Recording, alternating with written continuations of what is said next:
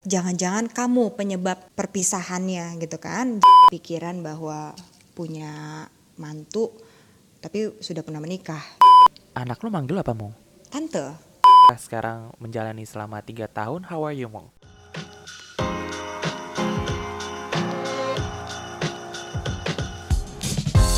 Hi, you're listening to Get Real with Ryan, a podcast that inspires people to show the real side of them with the purpose of sharing valuable knowledge and also learning from each other's life experiences as a lesson and a process to us.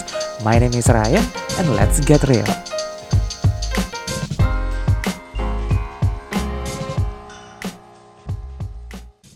Halo teman-teman, kembali lagi di channel podcast Get Real with Ryan. Terima kasih yang udah dengerin. Aduh, udah gak berasa nih udah masuk ke episode 11. Wah, dengan tampilan yang sedikit baru kali ini. Nah, eh, seperti episode sebelumnya, karena ini topiknya lumayan sensitif ya, jadi gue mau kasih disclaimer dulu nih di awal supaya kita bisa eh, mendengarkannya dengan pikiran yang terbuka dan tentunya no judging ya. Em, episode kali ini kita akan membahas mengenai cinta. Waduh, cinta yang bisa datang kapan saja dan sama siapa aja, yang sering kali itu nggak memandang bulu. Apalagi ketika lo itu sudah menjatuhkan pilihan pada seseorang, itu udah sepenuhnya hak kebebasan lo lah untuk memilih, gitu. Termasuk memilih menikah dengan seorang duda. Terlebih lagi duda yang sudah memiliki anak. Nah, hari ini sudah ada cerita yang masuk. Ada Mungki di sana. Hai Mungki. Hai apa Mungkin kabar inilah rasanya. it's it's it's di sini joget loh gue. Joget joget. Ya kan, kan nama lo itu kan selalu jadi ini dong, lagu-lagu mungkin dong. ya orang suka salah dengar sih emang. Eh, mungkin or mung- mungkin ya? Eh mungkin ya? Aduh. Apa kabar, Mung? Baik how are you Baik, baru. Kayaknya makin seru banget ini podcastnya. gue saban malam, bukan saban malam sih, saban lo post di IG, terus gue langsung kayak kali ini topiknya apa gitu. Nah, diikutin terus dong. Yalah, panutanku. Ini gue panggilnya mungkin biasanya Mami Mungki. Gue masih muda lagi gila lo manggil gue mami. Oh, Aduh.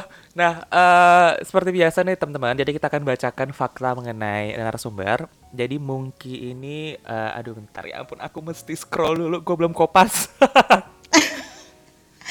aduh, Eh, yang pertama, eh, mungkin sudah menikah selama tiga tahun dengan duda beranak dua. Kemudian eh, pacaran selama tiga tahun, lalu menikah di umur 30 tahun. Terus yang ketiga, kedua anaknya semua perempuan dan ini eh, sudah masuk ke tahap ABG.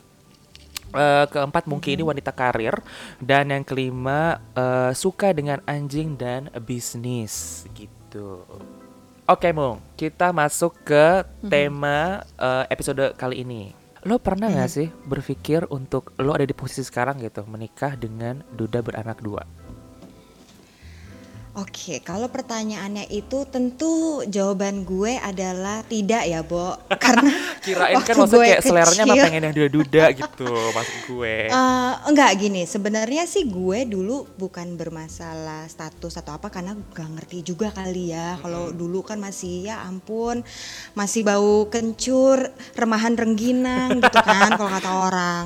Tapi em, sebenarnya gue kalau dari masalah percintaan ataupun tipe ataupun apa, gue itu I mean if I can be ini kan podcast lo kan open minded ya. Jadi gue ngomong apa adanya ya. Oh ya bro. harus real dong, namanya juga get real kak. Jadi exactly. Jadi gue itu selalu dari dulu semenjak gue menentukan eh, hidup gue bahwa I need to be serious. Jadi gue mulai eh, mulai deh tuh gue reformat ulang gue deh sebenarnya maunya apa gitu. Tapi kalau dulu kan ya namanya juga perempuan ya namanya dari kecil itu pasti udah main kayak masak-masakan, eh, kawin-kawinan, eh maksudnya bukan kawin-kawinan ya, tapi maksudnya kayak Agak salah loh eh, konotasinya apa loh, tuh? Kak. Oh iya tuh, aduh maaf ya. Maksudnya kayak bukan kawin-kawinan tapi kayak eh, boneka Barbie ada si Barbie-nya and then ada Ken-nya gitu kan. Terus they they in love together, pacarnya ganteng gitu kan. Ya, I mean like a princess dream apa ya, eh, come true lah gitu kan. Kepinginnya kita tuh dapatnya sosok yang benar-benar kita idamkan. But anyway, gue itu termasuk orang yang uh, istilahnya kayak cukup da cukup penting gitu loh tipe ataupun karakter yang akan jadi pilihan gue gitu. Mm-hmm. Nah uh, awalnya sih gue nggak ada kepikiran untuk ah gila ya gue mau sama Duda ya kali deh gitu mm-hmm. kan. Ya sebenarnya bukan karena gitu juga sih tapi kalau orang kan pasti beranggapan kalau bisa sesama single why not hmm. ya kan nah um, tapi gue kalau balik lagi ke pertanyaan lo kepikiran apa enggak gue nggak sempet kepikiran untuk status sih to be honest tapi gue lebih mementingkan dari karakternya hmm. Backgroundnya terus um, orangnya tuh bisa jadi imam gue nggak gitu jadi tiga hal penting nih ya Um, jadi jawabannya gue nggak pernah kepikiran gitu. Okay. Gak pernah kepikiran um, nikah sama Duda. Mm-hmm. Nah kalau lo pertama kali ketemu sama suami lo ini gimana mong ceritanya? Oke okay, ceritanya itu sebenarnya waktu gue ketemu tuh gue nggak langsung pacaran. Uh, jadi gue itu kenal kenalnya kenal kenal gitu aja. Karena kebetulan dia ini gue dulu pernah jadi salah satu uh, apa kayak program uh, manajemen trainee gitu loh di salah satu bank lah gitu. Uh, di bank ini kebetulan gue ditempatin di cabang. Karena kan gue ditempatinnya di tempat yang berbeda-beda tuh pada waktu itu. Ketemulah di cabang itu sama uh, mantan pacar gue ini ya Jis itu kan jadi suami gue sekarang. Uh -uh. nah jadi um, dia kebetulan lagi ke bank itu gitu. Nah terus nggak tahu somehow I felt this guy kayak pernah gue kenal ya sebelumnya gitu. Uh, which is gue belum pernah, gue gue belum pernah ketemu, gue belum pernah kenal. I don't know this guy. Ya tiba-tiba uh, kita kita uh, apa uh, ngobrol, tapi ya memang untuk produk di salah satu bank itu gitu loh. Jadi hanya sekedar itu aja. Lama-lama ya gue juga ada jualan sesuatu terus dia jadi customer gue istilahnya eh lo mau nggak ini? Karena gue lihat kan dia bodybuilder tuh gitu loh. Jadi uh, kebetulan waktu itu gue lagi jual apa sih um, kayak protein untuk uh, apa tuh gym apa bodybuilder gitulah. Uh, istilahnya kalau sekarang tuh kayak whey protein gitu. Hmm Nah, ya akhirnya dari situ nggak lama kemudian uh, gue nggak ya gue nggak intens kayak we just we were just friend terus uh, saling kenal gitu aja gitu sih awal mulanya Jadi tanpa disangka-sangka gitu lebih ke customer ya waktu itu ya dia nasabah nasabah di bank cabang itu mm -mm. oke terus dari nasabah akhirnya uh, mm -mm. gimana tuh prosesnya sampai lo decided untuk kayak pacaran? Pacarannya kita nggak ada istilah kata pacaran ya waktu itu. Mungkin karena gue dan gini gini, gue ngelihat dia itu gue nggak nyangka loh bahwa penampakannya dia, oh kok penampakan sih perawakannya ya, perawakannya dia tuh setua umurnya dia, padahal uh, dia itu memang apa sih kayak seger aja gitu kelihatan masih muda gitu dan ternyata ya karena memang dia sering olahraga ya gitu. Hmm. Sorry nah, dia tuh umur berapa nyangka tuh currently beda 20 years lah with me. Oke. Okay. Hmm. Terus terus? Terus um, ya pas gue kena pas gue ngobrol dan lain-lainnya karena mungkin intens dari segi dia sering beli mak apa uh, uh, jualan gue gitu kan. Uh, terus uh, abis itu gue udah nggak uh, lama tuh gue kerja di situ cuma satu tahun nggak lama terus gue pindah gitu gue pindah uh, masih keep in touch and then ya udah uh, istilahnya kayak kita lunch bareng terus udah gitu mulai intens terus lama-lama kayak I don't know, I felt something gitu loh. Terus dia juga felt something kayak sesuatu yang kita tuh kayaknya gue pernah kenal sama lo gitu loh. Ini berdua nih kayak ada ada ada ada chemistry-nya tuh different gitu loh. Kayak kalau kadang-kadang kita kalau ketemu sama orang suka deja vu kan. Mm-hmm. Suka kayak kayak kayak gue pernah deh kenal lu tapi di mana ya gitu. Anyway, ya dari situ akhirnya kita mulai intens dari uh, apa dulu zamannya bebek bo jadi hmm. belum ada ya yang namanya WhatsApp gitu jadi adanya BBM ya um, dia nanya BBM dan lain-lainnya terus kita mulai intens nggak lama ya udah Tapi pada saat proses pengenalan itu lo juga akhirnya mengetahui mengenai uh, keadaan suami lo pada waktu itu. Um, to be honest, gue uh, beberapa di awal-awal gue nggak tahu. Oke. Karena gini, karena gue tipikal orang yang uh, masalahnya sensitif ya gitu. Mm-hmm. Uh, maksudnya sensitif tuh dalam hal kayak lo siapa, pa, uh, pa, apa uh, punya pasangan atau enggak, atau lo apa uh, masa lalu lo kayak apa gitu. Nah, gue salah satu orang yang tidak begitu melihat sih, jujur ya, nggak Hmm. begitu melihat mengenai masa lalu karena sebalik lagi nggak semua orang itu mau terbuka mengenai masa lalunya. Nah, tetapi di dalam hubungan gue saat itu adalah ya gue sama dia sama-sama kita itu eh, menyatakan bahwa I'm comfortable with you and you are comfortable with me. jadi, Nah, jadi fokus so- pada zaman sekarang aja, nggak usah diungkit-ungkit yang zaman lalu gitu ya mau. Ya gitu, jadi tipikalnya kayak gitu. Nah tetapi dengan caranya kita untuk nyaman itu kan beda-beda ya. Jadi kan eh, ada aja orang yang memang tertutup. Nah kalau gue itu bisa dibilang semi lah, semi semi semi tertutup gitu loh. Jadi eh, gue gue akan menanyakan hal-hal poin yang penting gitu kayak misalkan are you single? Kalau jawabannya iya, oke, ya udah. Karena kan anything yang akan membuat kita tuh merasa nyaman dan gak was-was gitu loh. Karena sebenarnya yang poin nomor satu dari masa lalu itu membuat kita insecure, bener gak sih? Betul. Kayak eh, pengalaman tuh sometimes bikin kita tuh insecure gitu loh. Nah jadi eh, are you single? Yes. Are you eh, married? No. Cuman dia bilang ever been, dia bilang gitu. Eh, oh oke. Ya udah. Terus kayak, of course dia tahu bahwa I'm single. Eh, but that moment, eh that time itu I was actually eh, with someone. Oh, oke. Mm-mm. Cuman eh, karena kan gue kenal waktu kenal kan gue belum ada hubungan apa apa, maksudnya belum ada perasaan yang gimana gimana lah sampai akhirnya I broke up with my eh, boyfriend waktu itu, terus baru deh tuh mulai tuh hmm, apa eh, suami gue ini tuh mulai ngedeketin lagi gitu, maksudnya ngedeketinnya dalam cara kayak lebih intens lah gitu. Nah ternyata dia dari semenjak beberapa saat sebelum gue putus tuh dia udah mulai nunjukin gitu loh. Nah terus ya udah gue tahu bahwa dia udah pernah menikah tapi ya terus gue pikir ya udahlah itu masa lalunya dia gue juga punya masa lalu gitu kan. Eh, terus ke depannya bagaimana?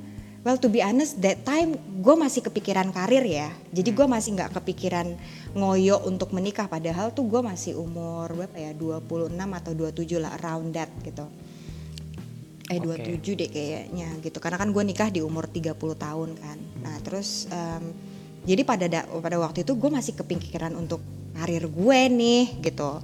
Jadi gue nggak ya udahlah kalau misalkan dapat pacar ya kita jalanin aja kalau jodoh ya udah jadi gitu Oke, nah terus ini gue mau ngebagi ada dua segmen ya Mung ya. Satu tantangan dari sisi internal lu, sama tantangan dari eksternal. Nah kalau dari internal, kan berarti kan lebih ke diri lo sendiri sama family family lo kan. Eh, Ketika lo mengetahui statusnya suami lo itu eh, duda, eh, apakah memang lo sudah siap dengan konsekuensi yang lo akan hadapi gitu loh secara mental? Hmm. Em, jadi proses gue sama dia itu bisa dibilang cukup roller coaster ya. Jadi em, gini, mungkin orang selalu bilang lo kok ngapain sih sama Duda gitu kan? Karena kan Duda itu kan pasti nanti masalahnya banyak, pasti nanti lo urusannya sama ini itu dan lo bakalan terbagi begini begitu. Well, ya pasti pasti gitu karena perjalanan gue itu nggak semulus eh, fairy tale ya. Jadi em, mungkin bisa dibilang kita berdua tuh sama-sama eh, tunjukin eh, apa pengorbanan kita sih gitu untuk untuk being together gitu loh. Kalau dari internal jujur aja of course orang tua gue itu siapa sih yang yang kepikiran bahwa eh, apa punya mantu tapi sudah pernah menikah gitu loh. Tapi somehow memang em, mereka akhirnya juga bisa memahami bahwa ya ini kita berdua sama-sama sayang sama-sama peduli satu sama lain sama-sama ngejaga sama-sama nyaman sampai akhirnya orang tua gue tuh ngalamin yang namanya apa ya eh, ocehan-ocehan cemooh-cemoohan gitu kan. Dan gue nya sendiri teman-teman gue juga pada lu nggak ada pilihan lain ya? Lu emangnya nggak laku ya? Gitu. Ya mungkin satu sisi di sini gue nilainya bukan karena itu ya tapi jujur aja ya. I've been eh apa em, in relationship with couple of eh, men lah gitu. Dan gue mengenal juga beberapa cowok pada saat waktu gue sama dia loh ya. Ini salah satu tantangannya karena ya gue juga kepingin waktu itu kan laki gue istilahnya akan ada terbagi nih waktunya untuk anak-anaknya dan juga eh, keluarganya dan juga gue gitu. Gue kan kepingin pasti punya seseorang yang 100% mine ya nggak sih gitu. Nah ini salah satu tantangannya dari diri gue sendiri adalah gue harus menyadari bahwa apa pun yang di dunia ini itu bukan seutuhnya milik kita loh. Di situlah gue belajar, di situlah gue bisa memahami bahwa oh iya ya ternyata ya memang gue harus bisa menerima kenyataan ini salah satu tantangannya bahwa your uh, pacar, your boyfriend is not 100% for you gitu loh. Even yang single pun juga pas i- ya gue kan juga pernah sebelumnya sama yang single ya sama. Kalau orang tua sih mereka juga merasa kayak kok anak gue malah milih duda sih? Gitu loh bukannya yang single. Ya sempat beberapa kali lah diocehin. Bukan hanya gue sih kita lebih tepatnya eh, suruh untuk jauhin ninggalin gitu. Oh ya ya sampai kayak apa sih sedih lah gitu. Karena kan gue di only uh, daughter loh in the family gitu loh waktu itu. Maksudnya eh bukan waktu itu maksudnya ya ya terus eh, tapi ya balik lagi ya. Karena kan seberapa bulatnya sih lo tuh dengan pasangan lo ini gitu loh. Jadi ya kita berdua tetap ngejalanin walaupun ini tantangannya gitu. Em, pasti ya nggak gampang. Tapi yang membuat kita berdua kuat itu adalah ya kita memang sayang satu sama lain gitu dan kita fight for it gitu. Jadi itu penting banget sih menurut gue untuk kita bisa tahu bahwa orang ini tuh seberapa eh, berkorbannya sih untuk lo gitu. Jadi bukan hanya lo doang yang berkorban tapi juga dia yang berkorban gitu. Ini berarti dari dari pendapat lo gue melihat bahwa lo tuh memang cari orang yang bisa nge-guide lo hidup tuh seperti apa dan pas banget lo ketemu sama si suami lo ini. Iya gak sih, Mung? banget sih sebetulnya. Karena eh of course pengalamannya dia jauh lebih banyak ya ketimbang gue gitu loh. Eh, secara nggak langsung dia juga banyak ngajarin gue dari eh, apa pola pikir dari tata ya sikap terus juga ya maksudnya kayak attitude gitu. Terus em, selain itu juga ngajarin ke depannya tuh apa aja sih yang harus lo persiapin gitu. Jadi it's not necessarily only kayak eh, melepas nafsu aja ya, Bo gitu kan. Karena kan kita sama sesama pasangan lah gitu cewek cowok pasti kan juga hanya apa ya impulsif om- emotion. Apakah sama Duda itu mengayomi juga? Jawabannya belum tentu sih. Karena bagaimanapun juga setiap orang itu kan punya sisi kekanak-kanakannya. Bener nggak? Kayak em, mereka pasti kan juga merasa oh ya nih gue harus eh, apa sih eh, jaga image gitu satu sama lain. Anyhow ini salah satu tantangan kita juga nih berdua gitu loh. Anyhow kayak gue ngajarin dia untuk kayak lebih have fun dalam artian kayak you need to take care of yourself juga bukannya orang lain terus yang diurus gitu kan? You need to take care of yourself supaya lo tuh nggak terlalu stres bisa punya pikiran yang sehat happy bahagia gitu kan? Nah satu sisi kalau dari dia adalah mm, orang yang jauh lebih tua dari kita kan pasti mereka jauh lebih dewasa ya nggak sih? Pasti mereka juga jaga image gitu loh kepingin dinilai lebih dewasa lah intinya gitu. Nah, tapi kan kita juga harus ngasih tahu gitu loh ke dia bahwa we need to have fun loh, we need to take care of ourselves loh gitu loh. Jadi kayak lo juga jangan terus melulu pikirin pekerjaan lo atau hal-hal lainnya, tapi lo juga harus mikirin diri lo sendiri dong, kebahagiaan diri lo tuh apa. Supaya apa? Kita punya healthy mind, kita punya uh, happy mind gitu kan. Itu salah satu supaya untuk kita tuh ngejaga uh, pemikiran satu sama lain saling adaptasi satu sama lain itu tantangan yang paling penting sih eh, misalnya tantangan yang istilahnya yang dominan lah yang pernah gue rasain sama uh, laki gue gitu ya hmm. karena kita benar-benar harus bisa beradaptasi satu sama lain gitu loh um, itu kan lebih ke internal sama antara lu berdua kan masa komunikasi mm -hmm. dan dan apa sih mm -hmm. constant challenge yang emang lo hadapin setiap hari nah mm -hmm. kalau dari eksternal mong dan secara uh, suami lu udah punya anak dua cewek ABG mm-hmm. wah mm-hmm. mohon maaf gimana nih anda menghadapi itu loh kalau gue bilang uh, oke-oke aja sih rasa rasanya gue bohong ya pasti ya hmm. gitu tapi uh, di sini yang perlu gue sadarin eh yang perlu gue kasih tahu adalah of course capek mm-hmm. capek banget karena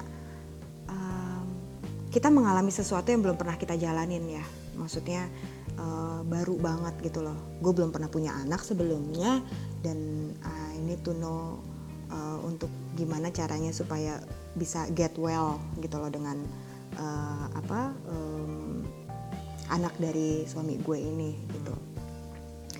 Tapi uh, of course ada tantangannya. Tantangannya itu adalah uh, mereka pasti akan merasa you're gonna replace my mom ya kan? Mm -hmm. kayak uh, apalagi perempuan mereka juga pasti merasakan perasaan ibunya seperti apa. Dan sebelumnya mereka juga pernah mengalami hal-hal yang uh, mungkin bisa dibilang sepanjang uh, apa permasalahan proses dari perceraian dan lain-lain itu kan suatu permasalahan juga kan untuk mereka gitu loh. Tapi di sini hmm, gue memang nggak mudah sih kayak pasti setiap anak itu akan merasa bahwa uh, akan tergantikan gitu loh. Mm-hmm.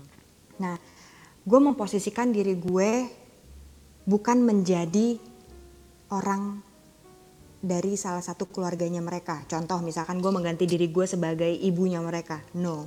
Atau gue menggantikan di, uh, menjadikan diri gue menjadi tantenya mereka, no. Tapi gue menjadikan diri gue adalah sesuatu seseorang baru yang hadir di kehidupannya mereka yang menambahkan kasih sayang kepada kehidupan mereka. Hmm. Dan itu tantangan dan, dan ini lo komunikasikan hmm. ke anak-anaknya. Hmm, gue nggak komunikasiin secara blunt, bluntly ya, hmm. karena kan pada waktu itu kan mereka juga masih uh, di bawah umur ya, hmm. maksudnya uh, apa di bawah kayak KTP aja yeah. belum punya waktu itu. Cara kan, penyampaiannya gitu. berarti nggak nggak yang langsung ya. Ya, jadi kayak gue tuh di sini bukan mau menggantikan siapa-siapa loh. Um, ya waktu itu kan gak gampang ya, karena kan um, uh, salah satu dari anak itu pasti ada pertentangan gitu kan, dan masih kayak apa sih uh, rejectionnya pasti ada gitu.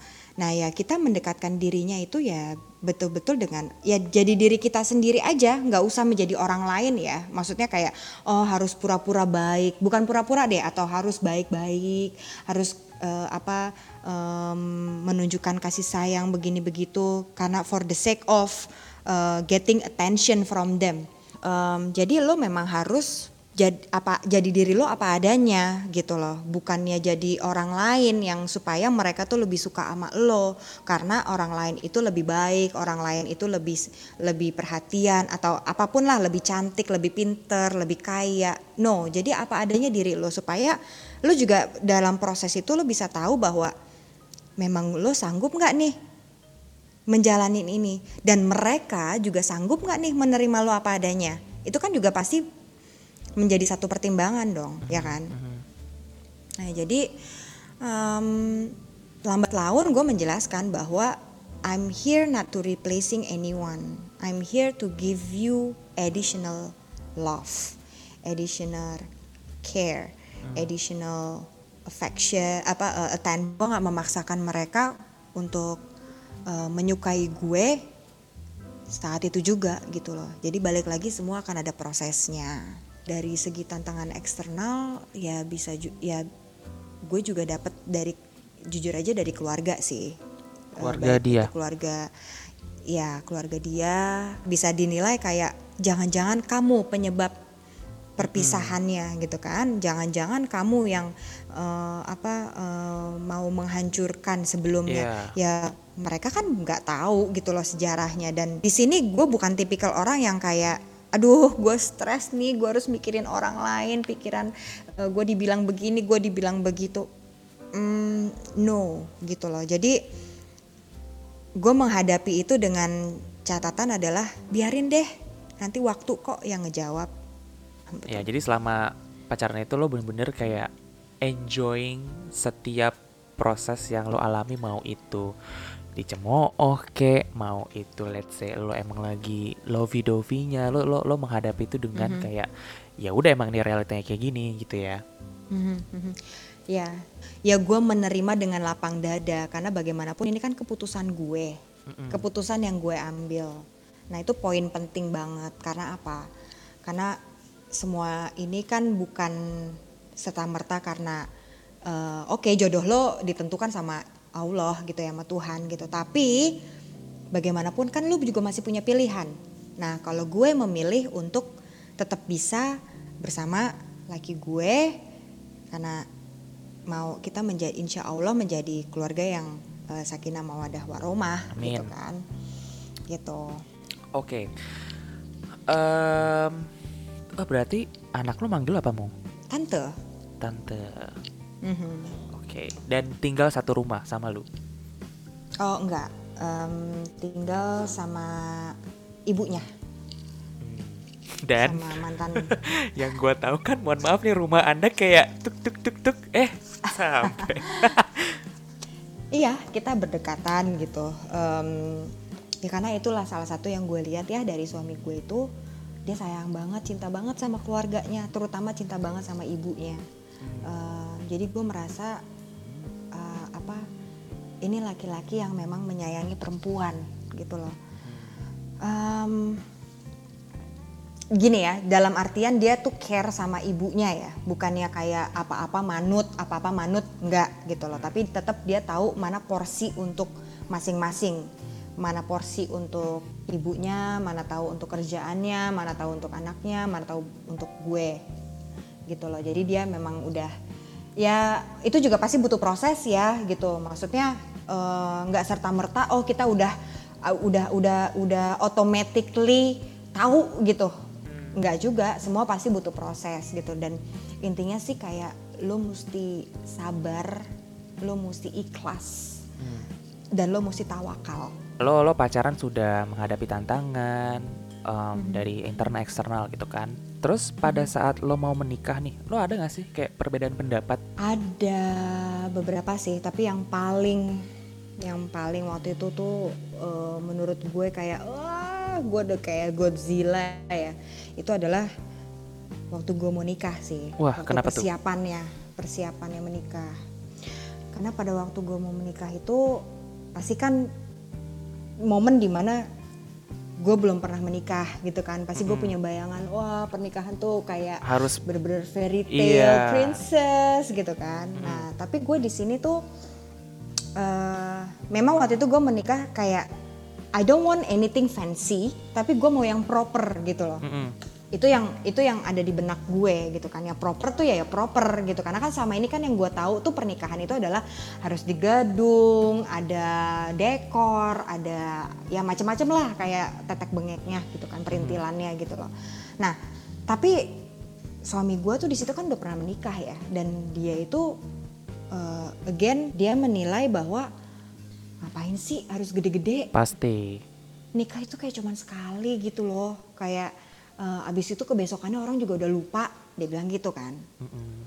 di situ tuh gue sempet yang kayak aduh ya ampun dia tuh sayang gak sih sama gue iya, iya. dia ini kepingin gak sih nikah sama gue gitu loh kayak Betul. momen-momennya tuh gue di situ tuh bener-bener gue ngerasa wah gila belum nikah aja gue udah ada ada kayak begini nih Iya gitu. dong, apalagi kan maksudnya kan lo kan anak cewek satu-satunya kan di keluarga. Exactly, kayak pasti kan ada harapannya orang tua gue dan uh, gue nya sendiri terutama ya apa ya pasti seperti itu gitu. Nah tetapi dari situ pun gue ada momen di mana gue melihat apakah ia butuh seperti itu, apakah ia perlu seperti itu. Kalau gue lihat kayaknya banyak tuh di luaran sana yang kayak uh, American style atau oh bukan American deh, Western style lah ya. Mereka cuman kayak keluarga deket aja, tapi mereka bisa ada kayak happy, bahagia, intimacy dan lain-lainnya sih, gitu loh. Jadi, you know what? Waktu gue nikah, Apa kenapa tuh? ya jadi waktu gue nikah itu gue biayanya ya, if I can be honest to you, itu less than 300 million. Oh iya? Mhm. Oh wow. Itu udah Jadi udah resepsi segala macam. resepsi akad dan lain-lainnya jadi bener-bener gue kayak gue mikir gini gila ya gue ngabisin uang segitu banyak dalam waktu sehari loh Lalu itu bayangin gua aja yang di luar bisa- aja udah 1 M, 2 M, Mung. Ya itu dia. Makanya gue kayak wow 300 gua- itu udah banyak, Mong. mereka mereka hebat sih. Ya mungkin mereka mau ya mengeluarkan uang segitu banyak. Tapi kalau gue gue mikirnya kayak ya sih ini kan cita-cita gue dream gue. Tapi gue balik lagi gue pikir secara rasional gitu loh. Gue pikir secara eh, realitas eh, realitanya aja deh seperti apa. Lu mau ngabisin uang 300 juta? Ini gue gue taruh deh 300 juta gitu ya gue ngabisin uang 300 juta hanya untuk Berapa jam? Iya nggak nyampe loh, nggak nyampe kali. Kayak paling cuma dua jam, Bo. Kalau misalkan di gedung tuh dua jam kan Iya. batas waktunya gitu. Dia tuh ngajarin gue kayak, lo pikir secara logika deh. Iya. Lo ngabisin uang segitu banyak, kebesokannya orang juga lupa makan apa, baju lo kayak apa, muki lo kayak gimana waktu lo nikah gitu kan. Akhirnya ya udah. em, dari situ gue mikir ya juga ya gitu jadi bukannya karena semata-mata ah udahlah laki gue punya duit ah udahlah laki gue someone jadinya gue harus wah yang fancy gitu no what most important adalah kita tuh menikah itu adalah untuk create momen di mana kita jalin eh, apa eh, hubungan apa eh, jalin hubungan bukan hubungan ya apa sih kalau misalkan di mata Allah gitu loh. Kita mengikatkan tali Tali sama, kasih eh, ya, Wak. tali kasih iya betul. Aduh. Jalinan kasih loh jadinya belibet. Wak. Aduh. jadi gue kayak eh, apa ya di hadapan Allah itu kan emang harus sakral tapi kan nggak harus mewah-mewah gitu loh. Jadi gue pikir ah ya udah. Mungkin orang ada yang bilang ah lo bego banget sih. Bilangnya kan dia harus treat you well. Lo kan belum pernah nikah. No doesn't mean kita harus diperlakukan kayak princess. Kita juga harus tahu bahwa semua ini kita hidup tuh dengan keadaan yang apa ya istilahnya banyak banget loh kebutuhan yang harus kita jalanin banyak banget eh yang kebutuhan yang harus kita penuhi dan banyak banget tugas-tugas kita untuk memenuhi kebutuhan itu gitu loh. Mhm. Eh, apa orang tua gue dan alhamdulillah sekarang nggak ada kayak ih dulu tuh ya sih mungkin nikahnya begini begitu. Nggak ada sih gitu. Dan nggak ada juga yang kayak Iya, peduli amat orang ngomong kayak begitu. gitu. Exactly. Makanya kayak ya udahlah gitu. Nah dari situ tuh kayak lu tuh harus bisa mulai mempelajari eh, apa ya istilahnya compromising Hmm. one to another gitu loh. Jadi lu harus bisa compromise satu sama lain jangan melulu mentang-mentang dia atau mentang-mentang gue Hmm. itu salah banget gitu Iya, aduh gue sependapat sih. Maksud gue kayak sama suami lo sama lo, maksud gue kayak ya udahlah nikah nggak usah yang mahal-mahal banget. Yang penting kan kayak keluarga kumpul, teman-teman deket ada, ya udah cukup sih. Nggak mesti. Hmm. tadinya tuh malah gue mau di Bali loh Yan Mhm, yang kayak mesti di Bali gitu kan Eh, karena ya gue karena tujuannya satu gue nggak mau ngundang orang banyak jadi karena karena gue tahu bahwa oh kalau misalkan gue di luar kota nggak mungkin dong semua orang bisa datang istilahnya gitu kan. Mhm. tapi di sini gue ah gila ya gue di Bali terus gue malah jadinya ribet sendiri. Udahlah ini kayak cuma satu hari kita mau sama-sama gitu loh. Jadi make it simple eh, apa pretty simple and then happy udah gitu. Oke, nah eh, ngomong-ngomong soal happy, tadi kan lo bilang ya ya udah Hmm. lo keluarga eh, lo dan keluarga lo juga udah happy kan. Tapi maksudnya setelah menikah sekarang menjalani selama tiga tahun, how are you, Mong? Hey, have you tuned into other real stories on this podcast? Make sure you do. Get Real with Ryan. New episodes every Friday. Stay tuned.